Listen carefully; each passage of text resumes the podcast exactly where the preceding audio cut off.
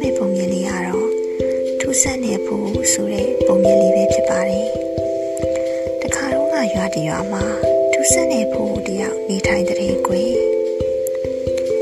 ဒီဖို့ကသူ့ကိုယ်သူကဘာပေါ်မှာ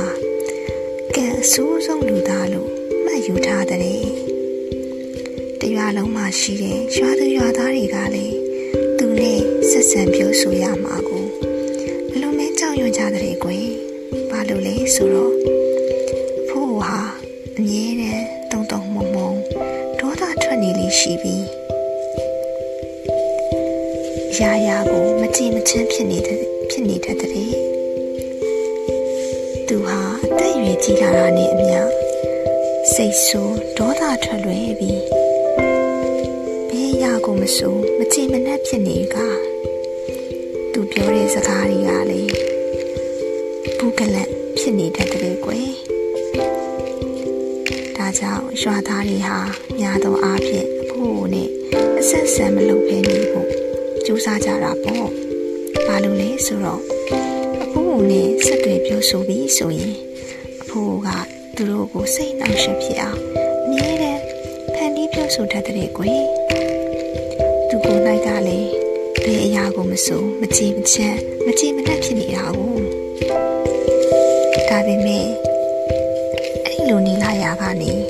အဖိုးဟာအသက်80ပြည့်သွားတဲ့အဖိုးကိုအသက်80ပြည့်တဲ့နေ့မှာတော့ထူးဆန်းတဲ့အံ့ဩစရာကောင်းတဲ့အဖြစ်အပျက်ကြီးတစ်ခုဖြစ်လာတဲ့ကွယ်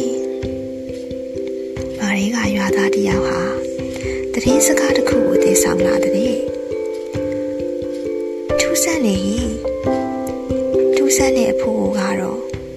ဒီနေ့ဒေါသ လည်းမထွက်သလိုသူ့ကိုချီရတာပျော်နေပုံပေါ်တယ်လို့တူကနေတူကိုဒီတရင်စကားကိုလက်ဆင့်ကမ်းလိုက်တဲ့ရွာသူရွာသားတွေအတွက်တော့ဒီတရင်စကားဟာအလွန်ထူးဆန်းတာပေါ့ကွယ်ဘာလို့လဲဆိုတော့အဖိုးပျော်ရွှင်တာကိုဘယ်သူမှမမြင်ဘူးလေကြဘူးလေအံ့ဩနေတဲ့ရွာသားတွေဟာအားလုံး စုယုံပြီးအဖိုးရှိရာစီကိုရောက်ရှိသွားကြတဲ့ရွာသားတွေကအဖိုးကိုဘာရီမြန်းဖြစ်ဖြစ်လို့ပြောင်းလဲသွားတာပြောင်းလဲသွားတာလေအဖိုးကြီးဆိုပြီးမီးမြန်းကြတဲ့ကွယ်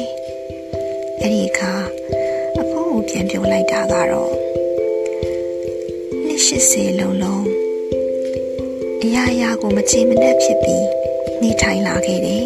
။ဘာကြောင့်လဲဆိုတော့ပျော် ရွှင်မှုကိုလိုက်ရှာနေရလို့ပဲ။ပျော်ရွှင်မှုကိုရှာဖွေတွေ့ရှိရင်ဖမ်းဆုပ်ထားမယ်ဆိုပြီးကြိုးစားခဲ့တာပေါ့ဗျာ။ဒါပေမဲ့ဒါအချင်းကြီးပါပဲ။နောက်ဆုံးတော့ပျော်ရွှင်မှုမရှိလဲဘဝကိုရှင်သန်သွားမယ်ဆိုပြီးဆုံးဖြတ်လိုက်တယ်။အဲ့ဒီအချိန်ကစပြီးပေါ့ပေါ့ပါပါနဲ့ဘဝကိုဖျက်ဆီးလိုက်တာ အခုလိုလေးလံမှုတွေဘာမှမရှိပဲပျော်ရွှင်လာရတာပေါ့ဗျာဆိုပြီးပြောလိုက်တဲ့ကွယ်ကလေးတို့လည်းဒီပုံမြင်လေးကိုနားထောင်ပြီးမှတ်သားထားအောင်မှာကပျော်ရွှင်မှုဆိုတာအရေးတယူလုံးပြီးရှာဖွေနေရမယ့်အရာလည်းမဟုတ်တလို့ဖန်ဆုပ်ထားရမယ့်အရာလည်းမဟုတ်ပါဘူးကွယ်ဒီလိုပဲဘဝကိုဖြတ်သန်းရင်းနဲ့ပေါ့ပေါ့ပါပါပြောပြောရွှင်ရွှင် နေထိုင်ရှင်သန်သွားကြရပေါ့ကွယ်။တာယာတဲ့နေလေးဖြစ်ပါစေကလေး